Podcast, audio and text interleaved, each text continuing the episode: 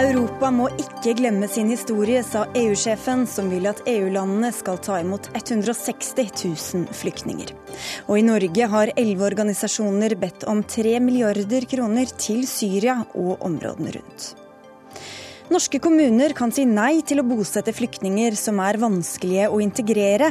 Det må bli slutt på at folk tvinges til å sette livene sine på vent, sier Røde Kors.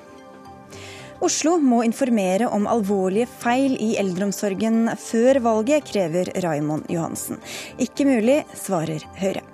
Og Norge er ikke godt nok forberedt på ekstremvær, ifølge ingeniørene.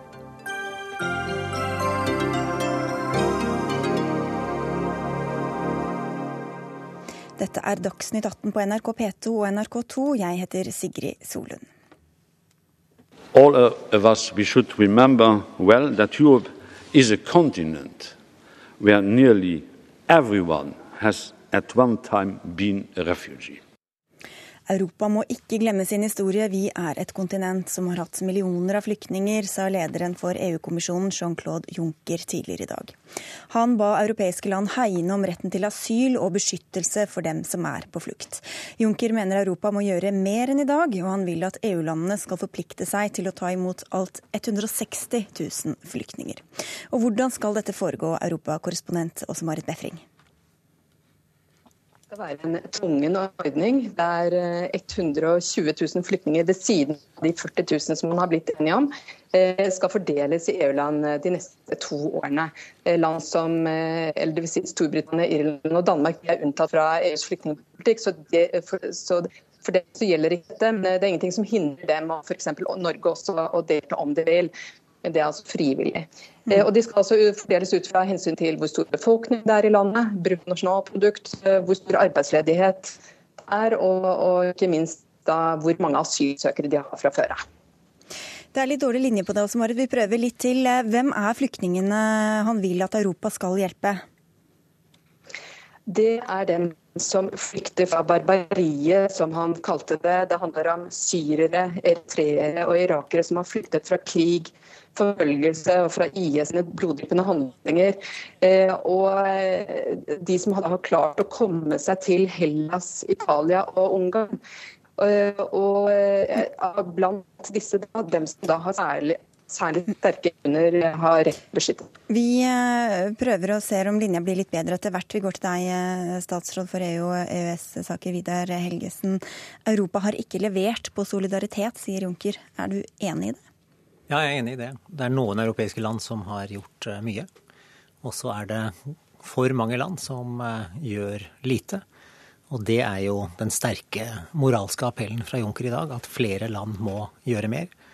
Og eh, så nøyer han seg ikke med appellen, han kommer med et forslag til en forpliktende um, fordelingsmekanisme som vil kreve at alle landene stiller opp. Ja, hvordan blir dette mottatt rundt omkring i de europeiske landene? Eh, det gjenstår jo å se, men vi ser allerede nå positive signaler fra de baltiske landene. Jeg så en twittermelding fra den litauiske presidenten i dag som eh, skrev at eh, de er med. Vi har fått beskjed fra Polen i ettermiddag at de er villige til å øke innsatsen. Og Det er viktige signaler, for det er jo ikke minst de øst- og sentraleuropeiske landene som har vært mest skeptiske. Og Tyskland har også støttet planen. Også Marit Befring, hvilken betydning har det? Det er klart at eh, det har stor betydning for mange land. Eh, og som statsråden også eh, sa, det at Polen også nå sender signaler om at, at de kanskje også vil snu, kan også påvirke flere østeuropeiske land til å følge etter. Men Tyskland har jo i hvert fall støttet denne planen. Også Frankrike har endret holdning, og det betyr selvfølgelig mye for at denne planen skal lykkes. Og dessuten så Eh, denne eh, planen trenger jo bare å vedtas med to tredels flertall. så Det betyr at det kan være land som er imot, og likevel så kan den bli stemt gjennom. Og så eh, sier kommisjonen at det kan være mulige unntak fra denne ordninga for land som i gitte situasjoner ikke ser seg i stand til å delta.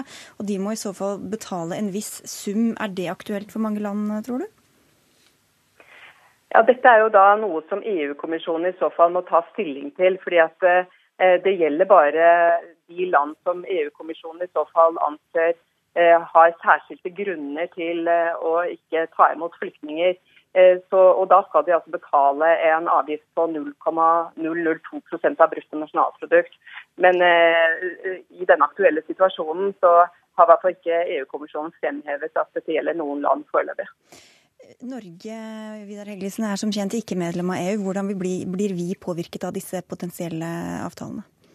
Vi er jo ikke omfattet av dette forslaget, men vi har jo meldt inn eh, Syria-forliket til den frivillige mekanismen til EU, som de ble enige om før sommeren.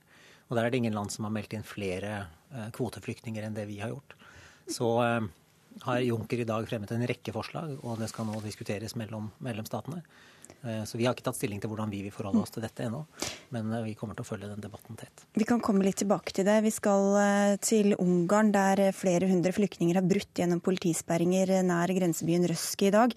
Ved grenseovergangen samler flyktningene seg mens de venter på å bli registrert av ungarske myndigheter. Korrespondent Morten Jentoft, du befinner deg i denne byen. Hvordan er situasjonen der nå? Ja, akkurat nå så prøver ungarske myndigheter tydeligvis å rydde opp i, i hvert fall noe Det noen av disse leirene her. Det er kjørt opp mange busser, tydeligvis hentet rett ut fra eh, busslagrene i eh, Budapest, den eh, ungarske hovedstaden. Man ønsker tydeligvis å få ryddet opp i disse leirene her.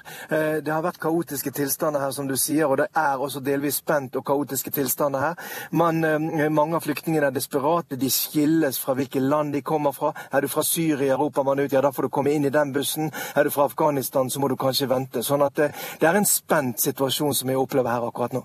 Hvordan blir de behandlet av både folk og politi i, i Ungarn?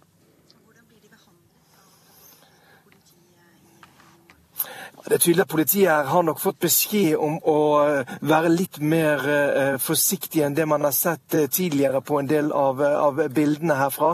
Men det er ganske barske tilstander. Det er væpnet politi til stede her. En del har hjelmer på seg også. Sånn at det er en spent situasjon. Ungarn har jo også bygget et gjerde mot nabolandet Serbia her for å hindre denne, denne flyktningstrømmen. Sånn at man tar ikke med silkehansker på dette, men man prøver tydeligvis nå da å gjøre gjøre noe med situasjonen. Man kjører da disse flyktningene i busser herifra. Man sier at noen av dem skal kjøre til, kjøres til grensen mot Østerrike, mens andre skal da eh, til interneringsleirer der man skal prøve å filtrere ut de som eventuelt har rett på asyl i Ungarn. Takk skal du ha for at du var med, Morten Jentoft. Det skjer ting også andre steder i Europa. I ettermiddag kom nyheten om at all togtrafikk mellom Danmark og Tyskland er stanset på ubestemt tid av politiet. Togene brukes av flyktninger som forsøker å ta seg inn i Danmark. Sverige sier at de ikke er interessert i å ta imot de flyktningene som allerede er reist inn eh, i eh, Danmark. Og så skal vi tilbake til deg, eh, Åse Marit Befring. I helga var du på den greske øya Lesbos, der mange flyktninger kommer hver eneste dag. Mange av dem blir sendt til Aten, der du er akkurat nå. Hvordan går veien videre for disse flyktningene? Det er klart at De fleste av dem de ønsker jo da bare å komme seg videre gjennom Hellas, Makedonia og videre oppover til Ungarn og til Tyskland, som er eh, målet for de aller, aller fleste. Eh, og de har jo hørt om gjerdet, de har jo hørt om hindringer. Men veldig mange av de som jeg møtte på Lesvos, de sier at de har startet denne reisen, og de har ikke tenkt til å snu. De har heller ikke noe å snu til, fordi at de kan ikke dra tilbake til Syria eller til krig og elendighet. Og Det gjør jo at man nå ser en strøm oppover Hellas også i dag. Eh, og den kommer ikke til å avta med det første, fordi folk eh, kommer hver eneste dag i nye gummibåter til eh, Lesbos. Takk skal du ha også, også Marit Befring. Og mens Europa diskuterer hvordan de skal fordele ansvaret for flyktningene som kommer, har elleve organisasjoner her hjemme bedt den norske regjeringa om tre milliarder kroner til nettopp dette formålet. Penger som skal gå til Syria og områdene rundt. Dette er en del av det dere kaller en nasjonal dugnad for å håndtere krisen, seniorrådgiver i Flyktninghjelpen Pål Nesse. Har du tro på at, dere blir hørt? Ja, det har vi. Vi var jo skuffet i vår i forbindelse med Syria-forliket over akkurat denne delen. Da syns vi det ble tamt. Nå er det en spesiell situasjon, og tre milliarder er ikke et urealistisk tall. Det er det vi nå bør legge på bordet. Og hvorfor akkurat tre milliarder, og hva skal de gå til? De skal gå til hjelpen som eh, Høykommissæren for flyktninger og andre FN-organisasjoner eh, står for i nærområdene, også norske og andre humanitære organisasjoner. Først og fremst kan vi bidra til å skaffe mer håp og mer tro på for de som er på flukt der, så ikke så mange føler at de må reise videre, bl.a. I tillegg så er dette så underfinansiert. Og hvis vi gikk foran med dette eksempelet, da hadde vi hatt omtrent en tredobling fra i år. Hvis resten av verden gjorde det, så ville vi finansiert det som er minimumskravet for nødhjelp satt av FN. Statsråd i Utenriksdepartementet Vidar Helgesen, eh, tre milliarder, er det aktuelt? Vi eh, syns at forslaget og bekymringen for situasjonen i nærområdene eh, treffer spikeren på hodet i den forstand at det er der eh, problemene er størst, og det er der behovene er størst. Eh, vi hørte i dag at Verdens matvareprogram kutter matvarerasjonene i Libanon. Det er i en situasjon hvor det er det motsatte som er nødvendig. Vi har bevilget mye penger fra norsk side, senest med Syria-forliket. Vi har varslet, Utenriksministeren har varslet at neste år får vi det største humanitære budsjettet noensinne i Norge. Eh, og vi vurderer jo selvsagt situasjonen løpende. Men det er jo også viktig at eh, flere land må stille opp her. Det gjøres for lite fra eh, andre tradisjonelle store givere.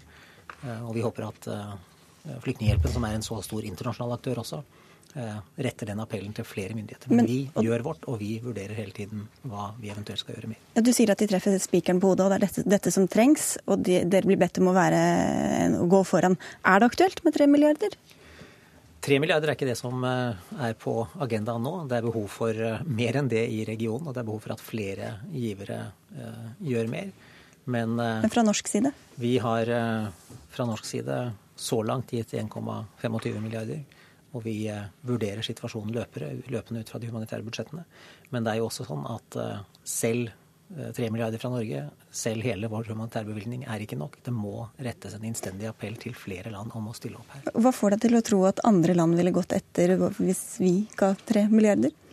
Vi vil gå foran med et godt eksempel. Det er alltid viktig. Og nå syns jeg eh, det er bra at eh, høyredelen av regjeringen kommer litt mer frempå i flyktningpolitikken. Vi har savnet dere litt der siste året. Nå kan dere vise litt mer ambisjon. Nå går Merkel foran i forhold til å ta imot flyktninger i Europa. Nå kan Norge gå foran, og Solberg gå foran, i å vise at det er mulig også å ta et løft i nærområdene og ta med seg Europa på det. Jeg syns også i forhold til møtet på mandag at det er veldig mye du sier dere ikke har tatt stilling til. Det syns jeg dere skal. Jeg syns nå skal dere komme sterkere på banen og stå frem på mandag og si at vi skal bidra med langt mer, og dette er et første godt skritt på veien. Leder i KrF, Knut Arild Hareide, bør regjeringa gjøre som disse organisasjonene ber om? Jeg syns det er et godt råd, og jeg syns det er veldig oppløftende at eh, statsråd Helgesen sier at dette treffer spikeren på hodet. Fordi dette er det som nå trengs. Og jeg mener òg vi bør vurdere uh, om vi faktisk er enda mer offensive, og ser om vi kan gjøre enda mer på 2015-budsjettet. Det er òg en mulighet for det i høst, og så òg øke ytterligere for 2016. Men det som Flyktninghjelpen sier her, som er veldig viktig, er at én ting er det økonomiske i nærområdene. Nå tar altså EU initiativ til en ansvarsfordeling. Det skal være møte i EU på mandag. Og da kan ikke regjeringen si at de har ikke tatt stilling til det EU-kommisjonens president Juncker nå lanserer. Da må Norge gå og si vi tar minst vår andel. Det er altså statsråd Anundsen som skal på EU-møte på mandag. Og da må det ikke være tvil om at hans oppdrag er å si at Norge stiller opp. Og da kan vi gjøre to ting. Vi kan både stille opp med den ansvarsfordelingen som er på flyktninger, og må si at vi er villige til å øke våre bevilgninger i nærområdene.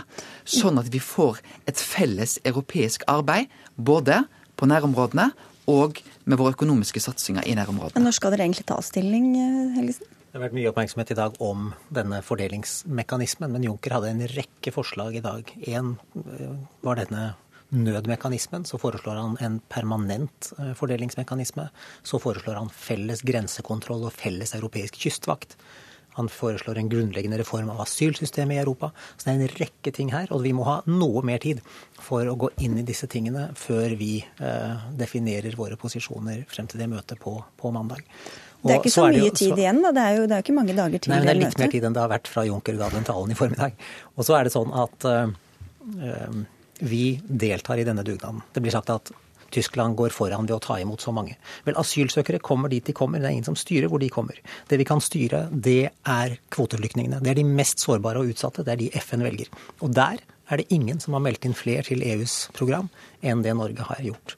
Så vi går foran på det for å respektere FNs rolle i dette og ta kvoteflyktninger. I tillegg så får vi jo en stor og økende strøm av asylsøkere til Norge, og de som har beskyttelsesbehov, skal selvsagt få beskyttelse. De får ikke gjort mye uten dere uansett, eh, Hareide. Hvor, hvor bastante er dere på dette kravet, både om disse tre milliardene, dersom dere nå stiller dere bak det, og også ta imot flere til Norge? Ja, Det som er helt tydelig, er at nå kan Norge være med på å ta en lederrolle.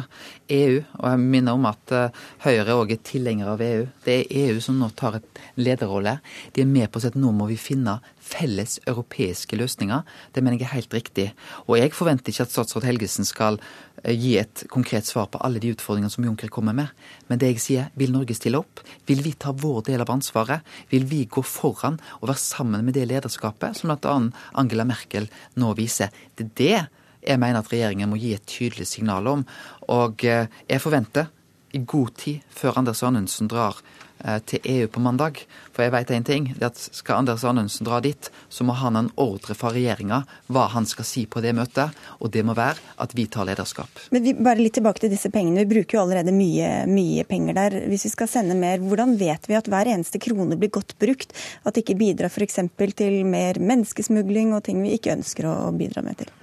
Vi finansierer jo ikke menneskesmugling, og det er klart at vi alltid skal ha gode systemer for å følge kronene, enten de går gjennom private organisasjoner, FN eller f.eks. til nabolandene. Så det skal vi passe på, men vi som jobber i de private, vi kan i hvert fall forsikre om at disse pengene kommer frem. Vi er veldig strenge og veldig nøye. Og så ser vi også den store forskjellen det gjør. Og det har vi også et godt eksempel på med det norske skipet hvor mange liv det har reddet etter at vi kom ut av dvalen og sa at vi skal være med og ta et europeisk ansvar, så har vi kommet med et skikkelig betydningsfullt bidrag. Og det viser hvor lite som skal til før det gjør en stor forskjell. Dere, hva slags press legger det på dere, også den norske regjeringa, det EU har kommet med i dag? eller EU-kommissæren? Det legger ikke noe mer press på oss enn det situasjonen gjør. For det som legger et press på alle europeiske land, eh, og mer på noen enn andre, det er eh, denne store flyktningkrisen. Og der har vi gitt klare svar fra norsk side om at dette er en felles europeisk utfordring. Den krever felles europeiske løsninger. Eh, så har vi fått en rekke forslag til felles europeiske løsninger på bordet fra Juncker i dag. Noen av dem eh, vil ha direkte betydning for Norge. Andre omfatter ikke Norge i utgangspunktet. Og vi vil sortere dette frem mot mandag, men med det utgangspunktet at vi mener at det kreves felles europeiske løsninger. Men også som Hareide var inne på, altså Fremskrittspartiet var det eneste som ikke var, eller i tillegg til SV, som ikke var med på disse 8000 som nå mer eller mindre drukner i alle asylsøkerne som også kommer til Norge utenom kvotesystemet. Hvordan skal dere klare å bli enige om dette, tror du, i god tid innen møtet på mandag? Det er ingen tvil om for det første at regjeringen følger opp Syria-forliket. Og jeg syns heller ikke vi skal si at det drukner, for det er faktisk viktig at noen tar ansvar for Men de 8000 blir ganske lite altså, med tanke på alle som kommer hit utenom, utenom, det systemet? Ja, det er helt klart. Vi får en betydelig eh, ekstra utfordring nå. Men eh, kvoteflyktningene er de mest sårbare og utsatte, og det er viktig at vi holder fast ved det og gjennomfører det. Og så vil det være en stor utfordring fremover i Norge og i Europa å sørge for uh, boliger, å sørge for skoleplasser, og sørge for arbeid osv. Flyktningene er på vei. Vi hører at togtrafikken i Danmark er stoppa. Vi vet at Sverige sier nei til å ta imot flyktninger fra, fra Danmark. Det bare viser at nå trengs det handling fra EUs side. Og da må Norge si vi er med og tar lederskap. Vi tar minst vår andel. Bare helt kort til slutt her. Om en, eh, litt over en time, eller om en time har Erna Solberg og Siv Jensen kalt pressen inn til å kommentere et initiativ som regjeringa har tatt overfor FN om flyktningkrisen i Syria. Hva kan du si om det initiativet, Vidar Helgesen? Om det kan jeg si at dere får stille på pressetreffet. Det gjør vi helt sikkert. Så kommer vi tilbake til dere da. Takk skal dere ha.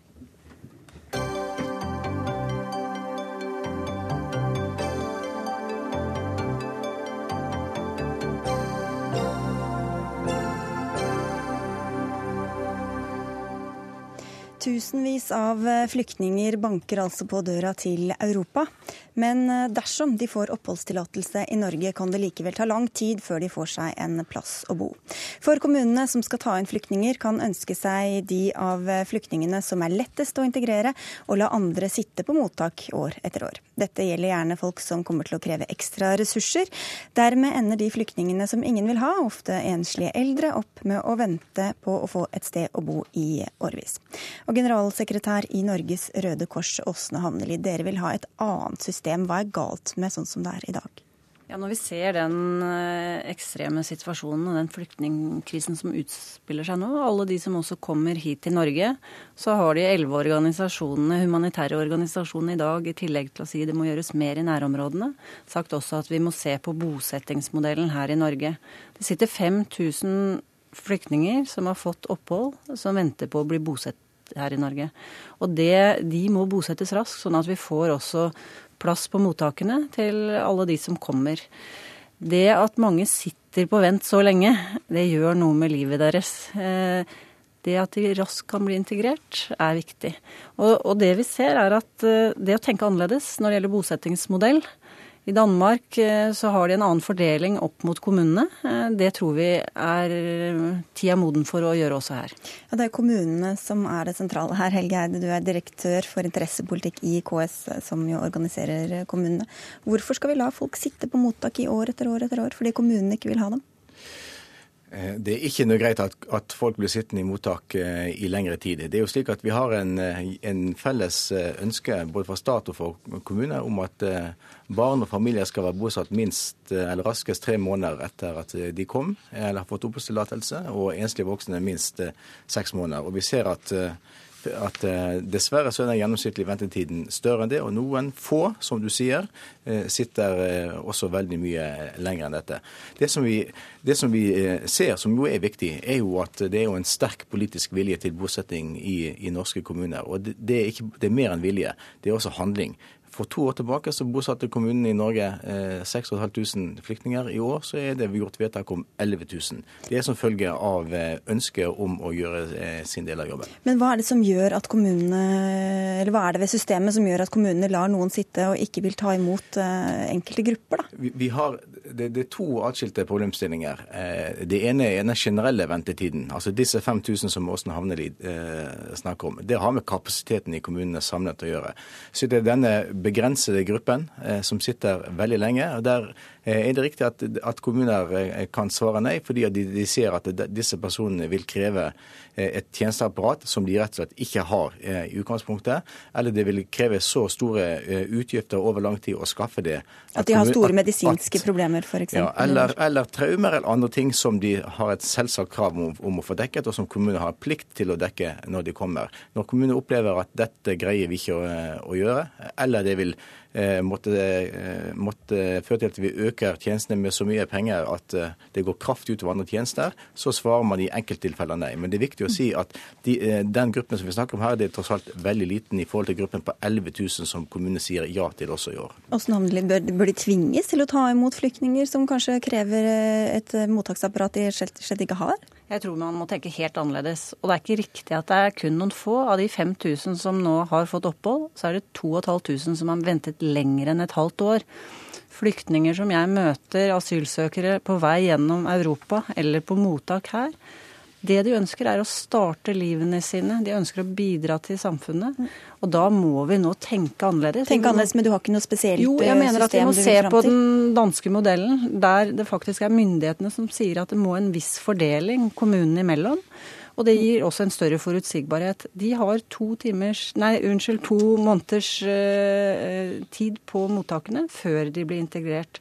Det å ha livene sine på vent er også dårlig integreringspolitikk. Ja, vi må bare til, til deg også, Helge André Njåstad. Du er leder for kommunalkomiteen på Stortinget. Du sitter der for eh, Fremskrittspartiet. Og dere er jo også veldig opptatt av å integrere dem som er her, best mulig og tidligst mulig. Hvordan lar det seg gjøre med dette systemet?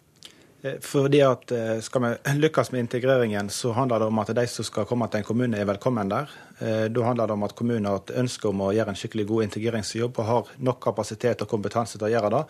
Og Da blir det helt feil å begynne med tvang overfor kommunene. Da får man en dårlig start. Så Derfor er det norske systemet der kommunene stiller opp frivillig, en veldig god modell for å få til en god integrering. Eh, og det er jo helt riktig som Helge Eide sier, at vi ser jo at kommunene virkelig viser handling. De har sagt ja til 11 000 bare i år. Eh, og da blir det litt eh, mistillit overfor kommunene å gi uttrykk for at dette er for dårlig. Jeg syns heller vi skal være glad for at kommunene tar en stor del av ansvaret. Men hva med alle dem som ikke får noe sted å bo, da? De aller fleste blir jo bosatt, riktignok ikke så hurtig som vi kunne ønske.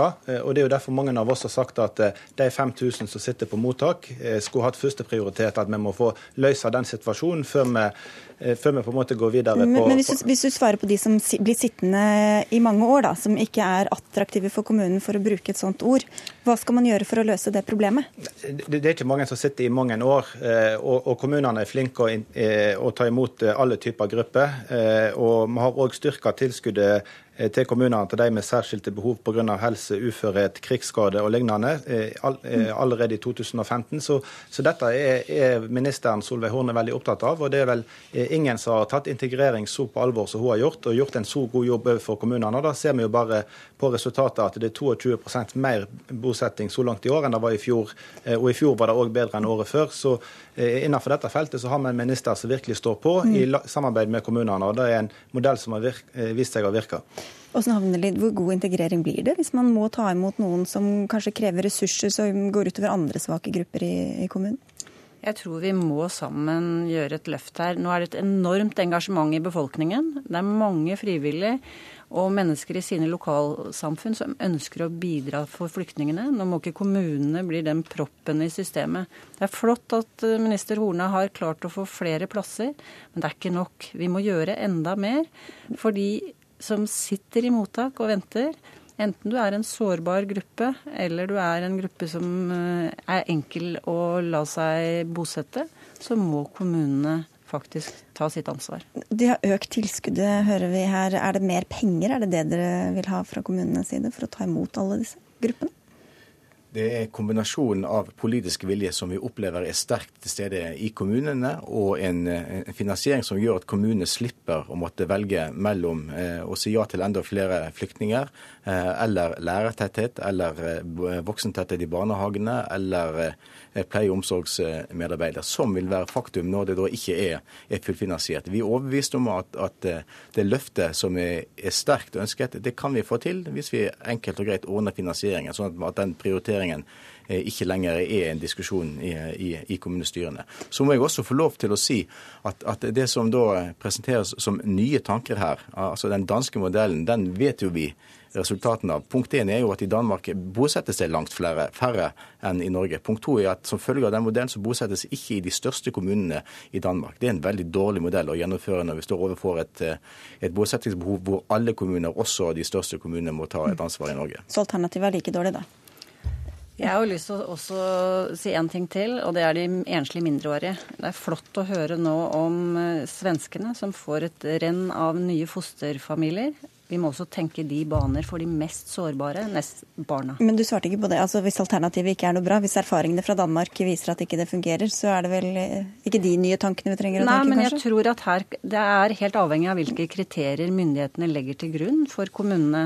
Her trenger det ikke å være like kriterier som i Danmark, men det at vi må dele ansvaret her, og at kommunene alle sammen må bidra, det tror jeg er helt nødvendig i fremtida. Og selv om du sa det bare gjaldt noen få, Njåstad, så er det jo i hvert fall noen som blir sittende år etter år, da, og da blir blir det etterlyst eh, En ting er politisk vilje, men også mer eh, penger som skal til. Jo, men Vi har økt eh, bra med tilskuddet på integreringstilskuddet. 250 millioner ekstra i 2014 og 50 millioner ekstra i år. sånn at Vi beveger oss jo mot at kommunene får, får mer penger for å gjøre denne jobben. Men skal vi lykkes, så handler det om at vi må sette tæring etter næring både i kommunene. og Det går både på hva har man kapasitet til å ta seg av. Og det er ikke bare bolig vi snakker om, det er både jobb, både helsetilbud, barnehageplass. Og det er kommunene best i stand til å bestemme sjøl hva som skal til for å yte de gode tjenestene. For Hvis ikke vi lykkes med integreringen, da har vi store utfordringer. Da er det lokalpolitikere og kommuneadministrasjoner som vet best lokalt hva som skal til. Det er dere helt sikkert enige om. Vi får avslutte der og si tusen takk for at dere kom, alle tre. Helge Eide fra KS, Åsne Havnelid fra Røde Kors og Helge André Njåstad fra Fremskrittspartiet. Og vi minner om at vi i morgen skal ha en spesialsending om flukten til Europa her i NRK P2 fra klokka ni om morgenen og fram til Dagsnytt 18. Det blir også temadag i NRK Petro, P3 på nrk.no og Urix spesial på NRK1 klokka 21.45. Flere enn 6000 ganger siden begynnelsen av 2013 har de som jobbet i eldreomsorgen i Oslo, meldt om alvorlige hendelser for pasienter eller ansatte. Men hva disse hendelsene går ut på, får vi ikke vite. Et hemmelighold som byrådet har fått sterk kritikk for fra flere hold. Nå skal rapporten frigis, men ikke før etter valget. Og det syns ikke du noe om, Raimond Johansen, du er byrådslederkandidat for Arbeiderpartiet i Oslo. Eldreomsorgen er en veldig viktig del av kommunens oppgave, og også det vi skal ta stilling til. Og det å få en oversikt over disse 8000 avvikene, og det er jo bare i kommunale sykehjem, og vi vet jo at i tillegg har vi de private. Så jeg tror det er veldig Nå har de visst om dette en måned, og det å kunne og Ordføreren var klar i dag at de ønsker å offentliggjøre, og nå har vi venta, og nå er det noen dager igjen. Så jeg forventer nå faktisk at de offentliggjør en del av disse avvikene, så vi får en nødvendig diskusjon rundt det. Og du får noen ekstra argumenter inn i innspurten? Det er jo først og fremst også, både for media og for pårørende og, og uh, brukerne, så er det viktig å ha en debatt, slik at man kan forbedre seg og vite hvor man skal sette inn ressursene. Så det er viktig informasjon og kunnskap å få. Stian Berger Røsland, du er byrådsleder i Oslo for Høyre. Hvorfor skal ikke byens innbyggere få vite om dette før de går og stemmer? Altså, de kommer jo til å få vite det. Men det som er utfordringen er at i disse avvikene så ligger det altså pasientopplysninger, og det ligger også opplysninger om hvem som har rapportert, og også om man har rapportert på en kollega. Og det å sørge for at vi får inn avvik og får en kultur i Oslo kommune for at det skal være greit og fornuftig og riktig å melde inn avvik, sånn at vi kan forbedre tjenestene våre, det gjør at vi også trenger at folk melder inn avvik, at de sier fra. Og da må vi få et, få et system som gjør at, at, vi bygger opp om en sånn uh, kultur. fordi at det å melde inn avvik er en viktig måte å, å unngå feil på. Men vi skal vi skal få offentliggjort dette, men det krever da en manuell behandling av alle disse avvikene. Og det krever også at vi sammen med, med de ansatte finner en måte å gjøre det på som ivaretar også de hensynene til de ansatte. Og det har du ikke hatt kapasitet til å gjøre i løpet av de ukene som har gått? Altså, Innsynsbegjæringen kom jo nå for en, en ukes tid siden. Og da var det slik at vi sa at det er noen argumenter som taler for å, for å ikke gi det, men vi, men vi skjønner også at det, at det, må gis, og da, da, skal vi gjøre det. Men det skal vi gjøre på en, på en måte som både ivaretar hensynet til pasientene, og vi skal gjøre det på en måte som ivaretar hensynet til de ansatte. Jeg mener at det er uproblematisk. Jeg forstår det at man ikke skal henge ut ansatte, og den informasjonen er lett å sladde. Og Første gang vi hørte om dette, var også innsynsbegjæring kom jo da fra Adresseavisa 9.3. Og det var omskrevet også 15.8, som har hatt god tid til å gjøre det. og Det har vært en viktig diskusjon. Eldreomsorgen har stått høyt opp på dagsorden, og vi har gått til valg på å styrke eldreomsorgen. Men hvorfor, hvorfor tror du at de ikke vil offentliggjøre det? Er det, tillegger du dem andre motiver enn det Berger Røsland? Altså, de har i hvert fall hatt, Nå sier de jo at de skal offentliggjøre, og det burde de ha sagt for lenge siden. For det er viktig informasjon å ha for å både ha, si noe om tilstanden, si noe om ressursene og si noe om hvor vi skal sette inn støtet for å forbedre eldreomsorgen. Og igjen, dette er jo bare i de kommunale. I de private så er det jo også forretningshemmeligheter i tillegg, som, er, som de da ikke informerer og, og kan legge fram eh, informasjon om. Så jeg tror det er viktig nå. All tvil til side. Burde ha gjort for lenge siden å melde om disse avvikene, istedenfor da konsekvent å skryte av at alt er perfekt i eldreomsorgen, noe vi har påpekt at det ikke er. Men det er, det er ingen som sier at alt er perfekt i eldreomsorgen. Og det er jo heller ikke sånn at dette er den eneste kilden vi har til offentlig diskusjon om uh, hvordan ting foregår i eldreomsorgen. Men Kunne det vært har... interessant for folk å vite før de skal stemme, da, tror du? Altså, vi, det er fullt mulig i dag å gå inn og lese undersøkelser om hvordan brukerne har det, hvordan pårørende opplever at tjenesten er. Man kan sammenligne ressursbruk, innsats, man kan sammenligne enerom, sykehjemsdekning, med andre kommuner. Det er mange kilder til eh, hvordan tilstanden er i eldreomsorgen. Disse avvikene har vært eh, et system for å Eh, avdekke interne avvik for å rette dem og rette opp i dem. Vi skjønner at det er en offentlig interesse for det, og da skal vi også legge til rette for det. Men vi må gjøre det på en måte som ivaretar hensynet til eh, personene det gjelder, og til de ansatte som har meldt inn. Siri Eddedal, du er leder i Pressens offentlighetsutvalg, og du har vært med å skrive en uttalelse om denne saken for Norsk Presseforbund. Dere er ikke videre imponert over åpenheten her? Nei, det er vi ikke. Ehm, eh, jeg håper å si verken over Høyre eller Arbeiderpartiet som sådan. Altså, ehm, for å ta noen poeng først. altså eh, Raymond Johansen skal ha honnør for å, å, dra det opp i valgkampen. Det syns vi er bra, at åpenhet blir en del av valgkampen. Og eh, Trondheim kommune skal ha honnør for at de har vært åpne, selv om det i og for seg er selvfølgelig at de skal være. Så ser vi det når hvordan ja, Der har vært en tilsvarende sak. Det har vært en tilsvarende sak. De, dette er journalister i Adresseavisen som har søkt innsyn allerede i mars, som Raymond Johansen sa, eh, for å lage valgkampsaker på tilstanden i eldreomsorgen. Og Trondheim kommune friga disse dokumentene etter seks dager. Ikke noe problem for dem. Bergen sa nei, Oslo sa nei. Og det er først nå det kommer opp eh, og det blir akutt. Så det er, jeg er enig med Raymond Johansen at det bør offentliggjøres, og det hører hjemme i valgkampen.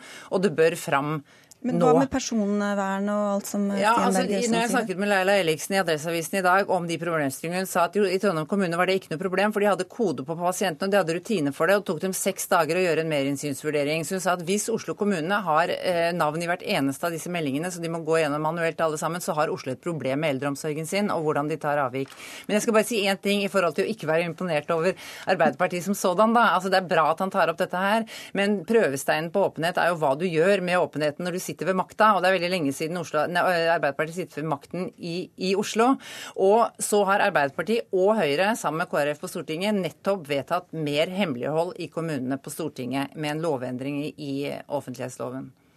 Kan, kan, jeg bare si til, til, til okay, sammenligningen bare, bare til, til, Trondheim. Det er altså sånn at Trondheim kommune har et annet system enn det Bergen og Oslo har. Da har dere et problem, hørte ja, vi fra og Det har vi også tenkt å, å gjøre noe med. for det, det Trondheim, så vidt jeg, jeg er ikke noe ekspert på dette, men det Trondheim kan gjøre, er å ta ut disse opplysningene uten at personopplysningene og hvem det er som har meldt inn, og, og hvor det har skjedd, kan identifiseres. Så dere er et gammeldags system da i Oslo? Det kan ikke vårt system gjøre. Men vi skal nå anskaffe et nytt kvalitet, internkvalitetssikringssystem, og et av de kriteriene vi kommer til å legge inn der, er at vi skal kunne gjøre den samme operasjonen som, som Trondheim da gjør, sånn at, eh, at, vi slipper å gjøre dette Men Hvorfor har dere ikke jobbet på spreng for å få dette klart før valget, da? Altså, det er jo slik at Denne innsynsbegjæringen kom nå i, i, forrige uke. og Jeg syns at eh, jeg, Som jeg sier, jeg skjønner hvorfor det er behov for, for åpenhet om dette. Men, men jeg, jeg syns også at, at, det er litt overraskende at Raymond Johansen ikke er, anerkjenner at det å ha et fungerende, godt eh, kvalitetssikringssystem som ansatte og brukere føler seg trygge på, også er en viktig del av det å utvikle eldreomsorgen.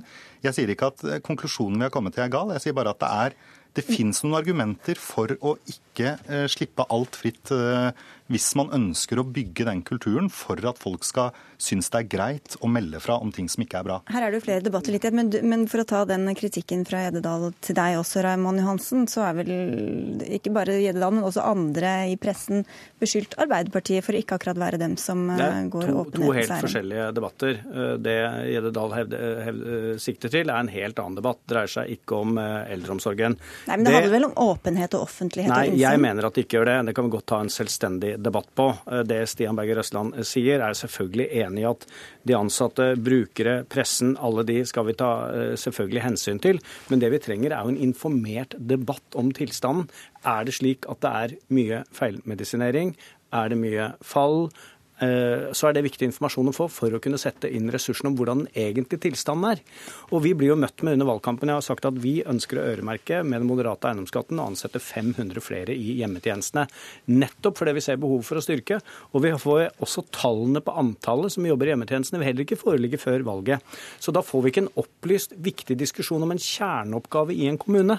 Og så dette handler det... ikke om åpenhet som sådan for deg, men bare i dette tilfellet nei, så er det, det handler... viktig? Nei, det handler selvfølgelig om åpenhet og det er veldig viktig. Det hun snakker om, er byrådspapirene og prosessen rundt det. Og det mener jeg er en helt annen, annen diskusjon, som ikke har med åpenhet å gjøre. Men det vi snakker om nå, er åpenhet knyttet til eldreomsorgen. Men det, det som er litt, som er litt, av, litt av, utfordringen, er altså at uh, hvis man fordeler alle disse avvikene på antall eh, sykehjemsplasser vi har i Oslo, og de årene, så er det sånn at det systemet vi da har, har, har skapt til nå, det genererer ca. et halvt avvik per bruker per år.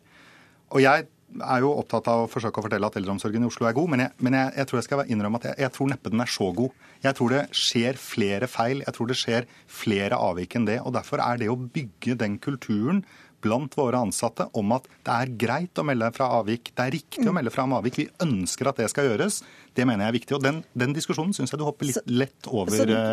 Hvis kvinnen i midten kan få svare på det, at mer åpenhet kan føre til mindre åpenhet på sikt? Ja, ja Det forsto jeg ikke spørsmålet helt.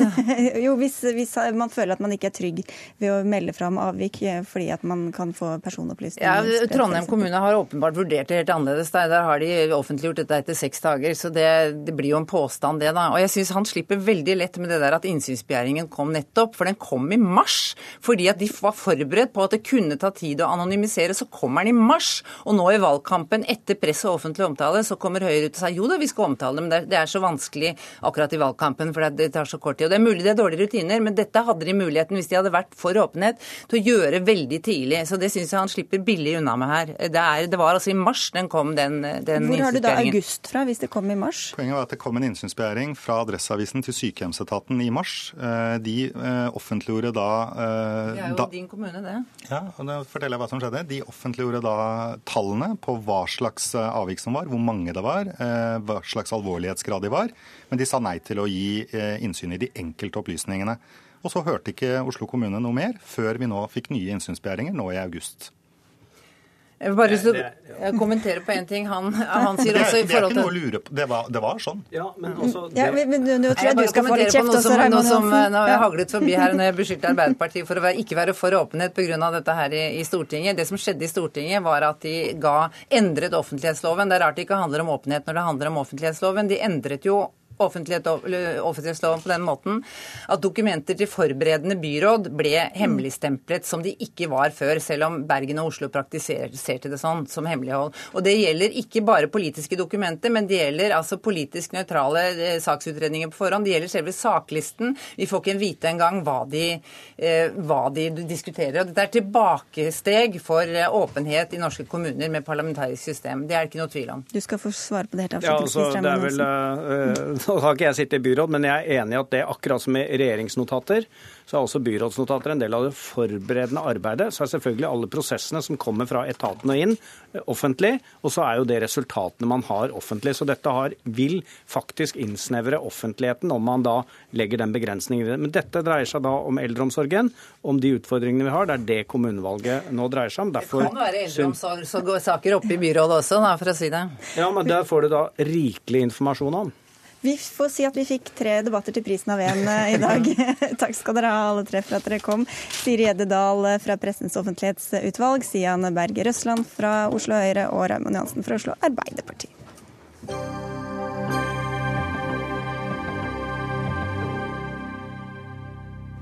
Han er en karismatisk komiker med et eget TV-program hvor han har spilt rollen som et fehode som endte opp som president, og nå leder høyrepolitikeren Jimmy Morales, som også er teolog og økonom, kappløpet om å bli ny president i Guatemala etter seieren i første valgomgang på søndag. Presidentvalget var bare få dager etter at landets tidligere president ble tvunget til å gå av pga. en korrupsjonsskandale, og påtalemyndigheten mener at de har nok bevis til å stille ham for retten. Benedicte Bull, du er professor ved Senter for utvikling og miljø ved Universitetet i eh, Oslo. Det har vært store protester og demonstrasjoner i Guatemala de siste månedene. Hvordan vil du beskrive situasjonen nå rundt dette presidentvalget?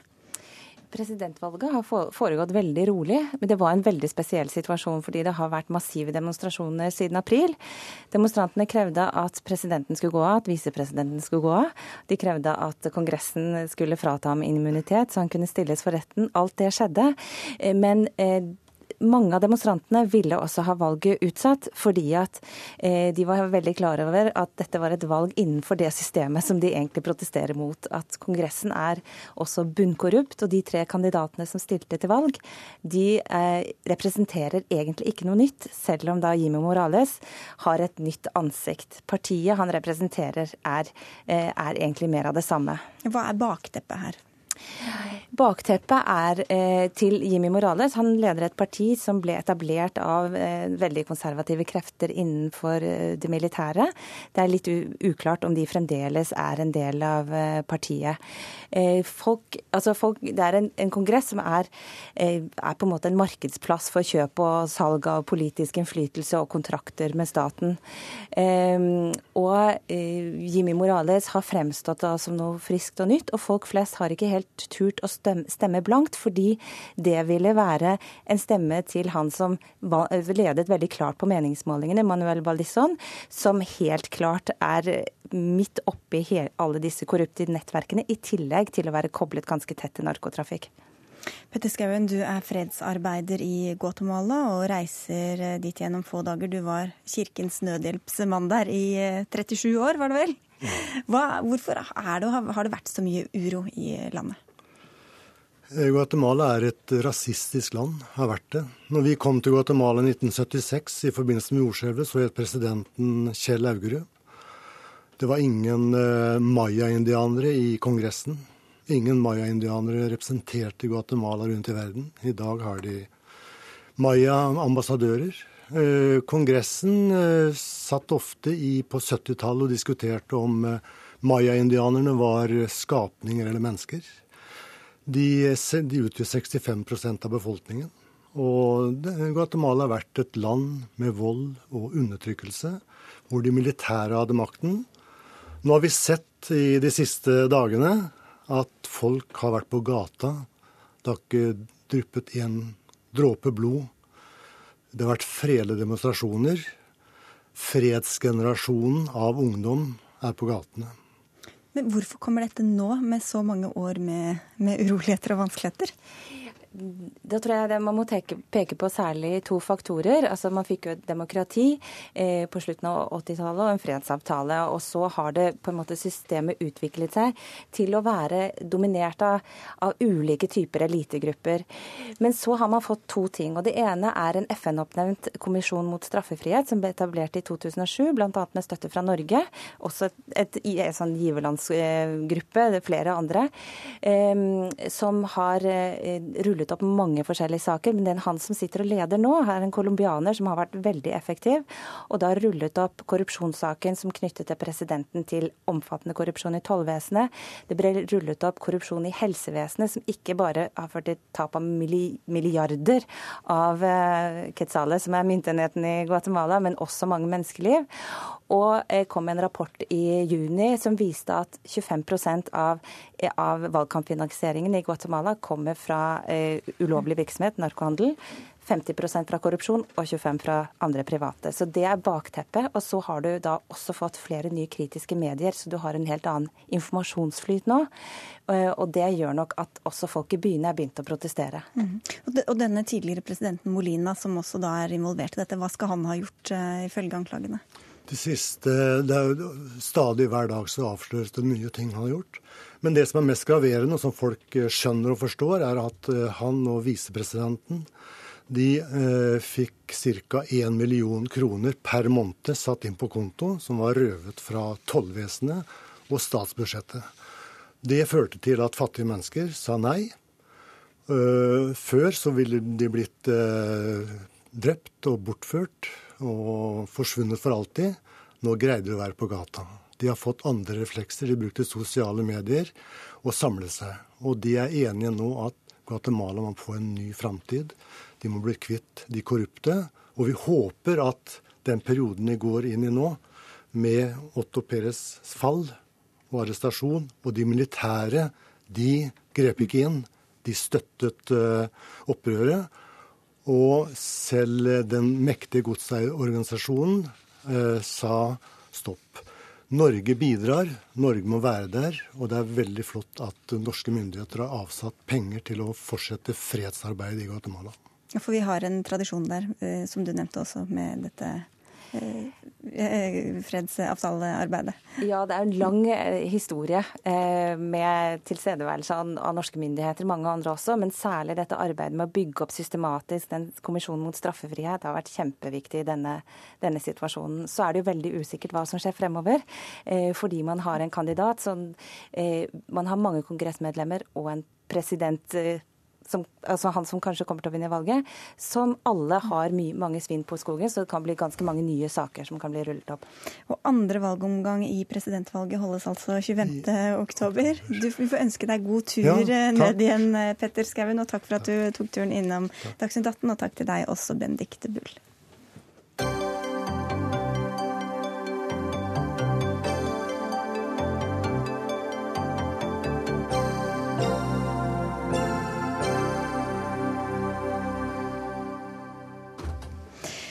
Flom og uvær preget store deler av Sør- og Øst-Norge i forrige uke, og gjorde skader for mange, mange millioner kroner. Oversvømte butikker og hus, veier og jernbaneskinner som ble revet bort, og kloakk på avveie viste det vi har visst lenge. Vi er ikke forberedt på ekstremvær, sier dere. Du er eh, direktør i Rådgivende ingeniørers forening, Liv Kari Skurdal Hansten. Hva slags framtid går vi i møte med dagens eh, systemer? Ja, det vi har sett nå er kanskje den nye hverdagen. Eh, og så har vi da et eh, ledningsnett eh, som vi allerede i 2010 gjennom en stor rapport som heter Norges tilstand, vurderte som svært dårlig. Dvs. Si at funksjonaliteten til dette ledningsnettet er truet, og det klarer ikke å håndtere de vannmassene som kommer nå. Bare i fjor så kom det her på østlandsområdet på tre timer like mye regn som det egentlig pleier å komme på en måned. Og så er veldig mye av dette ledningsnettet det er eh, bygget på 70-tallet. Og så er det ekstremt eh, langt. Eh, hvis vi tar hele Norge, så har vi altså over 52 000 km med, med ledningsnett. Og hvis du skal få en forestilling hvor mye det er, så er det 1,3 ganger rundt ekvator. Så det er klart det er en kjempejobb. Så, men det er jo det er mange ting som må ses i sammenheng, sier dere. Hva er det norske kommuner har gjort eller ikke gjort, eh, rettere sagt, som de burde ha gjort? Det er flere ting. Eh, det første er jo selvfølgelig å oppgradere det ledningsrettet som er, ikke fungerer. Eh, og så kan man dessverre ikke, eller man kan ikke bygge seg helt ut av det. Det er heller kanskje ikke lurt at det, er bare på ledningsnettet man tar det. Man må se flere forhold i sammenheng. Og noe av det som er viktig, for vi har jo dessverre i det er jo samfunnet litt sånn silotenking. At det er liksom vann- og avløpssektoren er der, så er det veisektoren der, og så driver de med areal der. Men alt dette må se i sammenheng. Eh, vi trenger flere åpne arealer, grønne arealer, enten om det er på bakken eller det er på, på takene.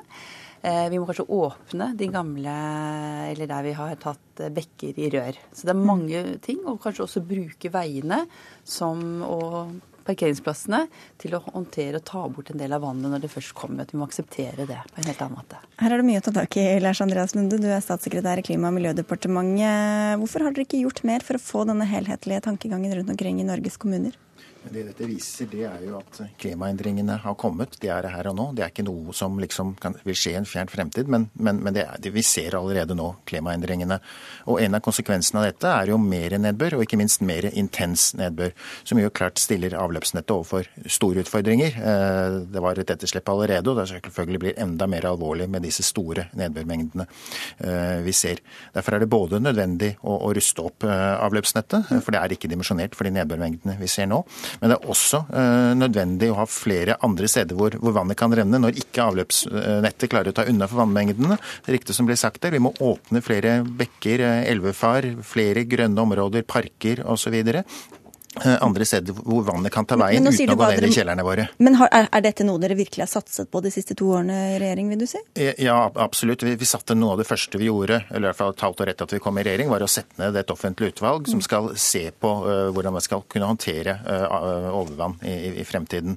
Uh, blant annet skal de klare retningslinjer og klare rammer for hva kommunene skal, skal, forholde seg til. Hva er kommunenes ansvar, hva er forsikringsselskapene og andres ansvar, og ikke minst også hvordan skal man finansiere dette For det er klart uh, helt riktig at det er et stort finansielt etterslep som det syvende og sist er noen som må ta regningen for, enten det er i form av gebyrer eller forsikringspremier. Ola Elvestuen fra Venstre, du leder energi- og miljøkomiteen på Stortinget. Og uh, Oslo kommune, som du er involvert i, trekkes fram som et godt eksempel. Hva er det dere har gjort riktig som andre kan lære av? I Oslo kommune så har man jo en, eh, man har klimatilpasning som en helt sentral del av den overordnede klimapolitikken. Eh, her så må man jobbe systematisk for nå å ha en eh, overvannsstrategi som er i ferd med å utarbeides, har man gjort også store investeringer eh, i Bjørvika. Så en av de største investeringene er jo denne Midgardsormen, såkalte, som jo renser Akerselva, gjør det mulig å ha badevann i Bjørvika, men også innebærer at du eh, bygger opp store fordrøyningsbassenger, sånn at du unngår jo ett problem når det er mye regnvær, er jo at du får overløp i kloakken, og dette går ut i, i sjøen. Så dette er store dette er vel investering på 1,3 milliarder alene. Men, Men, også Oslo trenger å gjøre mye mer enn det man har gjort så langt. Hva er ditt inntrykk av hvordan dette prioriteres fra regjeringshold, da? Nå tror jeg nok dette er en erkjennelse som kommer. Eh, og her så må man jobbe planlegge både nasjonalt og man må jobbe også planmessig lokalt. For kommunene har et eh, ansvar for beredskap, og det er viktig at klimatilpasning blir en sentral del av, eh, av den. Så her er det, det handler om en kommune må også, nei, Staten må også være med på å støtte opp under den nødvendige planleggingen. Og vi må også gjøre noen prioriteringer. For du har jo, det er vel noen og 50 tettsteder som er de mest flomutsatte som vi har. og de planene planene for de er det jo nødvendig at staten tar et ansvar for, og at også staten er med og tar et ansvar for eh, de, de tiltakene vi må gjøre for å begrense da utsattheten for flom som de har der. Men å høre med dere da, Skurdal Hansen. Hvordan står det til i norske kommuner, og også med, med dette samarbeidet med staten? Ja, Det er riktig som sies at Oslo kommune er jo en foregangskommune, men det er dessverre slik. Vi har jo over 400 kommuner, og der er tilstanden veldig varierende og egentlig ganske kritisk. Så det vi har sett på, er på en måte flere ting. Altså, vi ser jo at vi, vi har jo egentlig kunne hatt finansiering på plass, fordi kommunen selv kan øremerke penger til vann og avløp. Det er kanskje ikke det de har mest lyst til å bruke Nei, penger på, når det står det barn uten barnehageplass og eldre uten eh, sykehjemsplass? Og det er det at det er en pedagogisk eh, øvelse, det. Fordi at det er jo noe vi ikke ser til daglig. Så de ser det bare når det går galt. Men eh, jeg har jo selv hatt kjelleren full av kloakk og vann, og det har ikke vært noe spesielt morsomt. Og det betyr jo også altså alle må betale mer i forsikring osv. Så, videre. så hvis man får det litt forklart at hvis man ikke tar tak i ting nå, så betyr det bare at avgiftene blir enda større om ett år, om to år osv. Så, videre. så mm, jeg tror det er en viktig bit. Ja, men vannhåndtering må jo inn som en sentral del av byplanleggingen. For vi kan ikke bare bygge tettere og høyere. Du må også passe på at du har nødvendig med grøntarealer. At du også utnytter de ledige arealene har, har grønne. Du må ha fordrøyningsbassenger som kan bygges inn i byveven. Det er mange Hører, måter du, du kan gjøre dette. Dette ja, dette, bassengarbeidet. Ja. For mange, er, for mange, og dette er en viktig ja. debatt inn i kommunevalgkampen. For mange kommuner så er jo vann og avløp det er på mange måter de hemmelige tjenestene som ingen snakker om. Men dette er virkelig av de viktigste sakene man, man, driver med. For dette må være på plass. For det er når det, er når det går galt at du merker det. Og ett virkemiddel som jo staten kan gjøre, det er nettopp å, gi handlingsrommet til kommunene. Så disse vann- og avløpsgebyrene de kan omfatte tiltak også opp på bakken for å lage disse grøntarealene som er nødvendig, for å åpne bekkene og åpne elvene og lage det rommet med begrunnelse i at da sparer du investeringer under bakken som du ellers okay, må gjøre. Så det er ny, et nytt regelverk eller noen nye tillatelser eller hva? Det er et gebyr, og et gebyr er jo sånn at det, det kan du bare, ja, ha, til, det kan du bare ha til selvkost. Og da handler det om definisjonen av det som er selvkost.